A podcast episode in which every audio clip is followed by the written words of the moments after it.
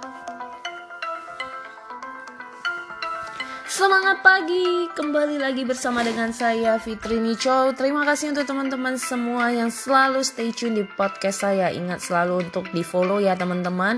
Nah ingat juga untuk teman-teman boleh selalu share ke teman-teman yang membutuhkan. Semoga apa yang saya bagikan walaupun dengan waktu yang durasi singkat ini boleh banyak hal positif insight-insight yang Anda dapatkan. Nah hari ini Fitri ini mau berbagi tentang seputaran public speaking lagi. Teman-teman kalau ditanya seringkah teman-teman ngalamin di saat teman-teman diminta untuk berbicara misalnya oke okay, saya minta tim ini atau meminta Fitri ini untuk presentasi di depannya buat pertemuan minggu depan buat meeting minggu depan. Nah, yang paling sering kita lakukan apakah kita mulai mempersiapkannya kita mulai mikirkan ide-ide apa yang mau kita bawakan atau kita malah pasrah udahlah yang penting nanti performa asal, jadi asal ada yang bisa saya bawakan aja gitu. Atau sistem kebut semalam. Hari ini saya akan berbagi kepada anda bagaimana tips untuk mempersiapkan presentasi yang baik yang menarik yang juga ada interaksi antara anda sebagai pembicara di depan dengan audiens anda atau hadirin yang hadir Nah, cara yang pertama tipsnya adalah teman-teman persiapkanlah materi pastinya. Penting banget materi ini karena teman-teman sudah su harus jauh-jauh hari mempersiapkannya. Mikirkan kira-kira uh, luang tuangkan aja di sebuah draft gitu ya, di sebuah kertas atau di notes Anda. Kira-kira mau membawakan topik tentang apa? Penting banget untuk tentukan judulnya, kemudian tentukan garis besar poin-poin besarnya apa yang mau dibawakan. Nah setelah itu barulah Anda pikirkan bagaimana mengembangkannya. Jadi istilahnya penting banget skrip ini untuk bisa membuat sebuah struktur pidato yang baik dari pembukaan, dari isi sampai akhirnya.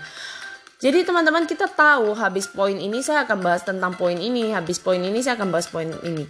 Nah itulah Tips yang pertama adalah ingat membuat mempersiapkan materi dengan baik.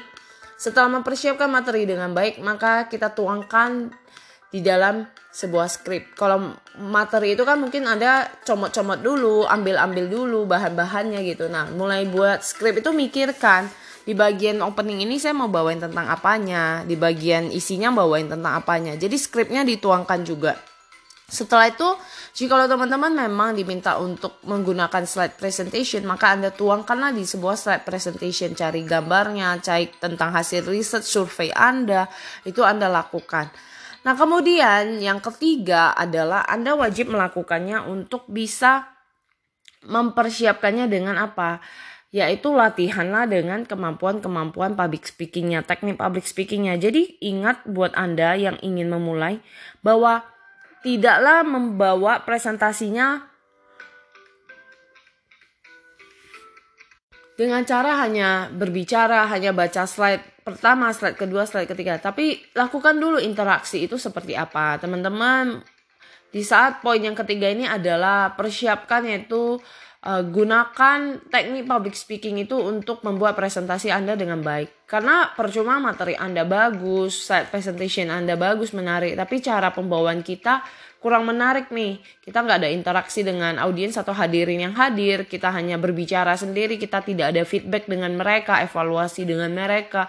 Dan kita juga perlu melakukan sedikit icebreaker di dalamnya. Jika Anda melihat keadaannya dengan durasi yang panjang dan akan membosankan, nah kita perlu mikirin apa yang bisa kita lakukan agar audiens yang hadir mereka juga nyaman, mereka juga merasakan adanya kedekatan. Di dalam public speaking ada yang dinamakan audience interaction. Jadi kita bisa suasana di awal sebelum kita masuk ke dalam materi kita dengan pembukaan terlebih dahulu.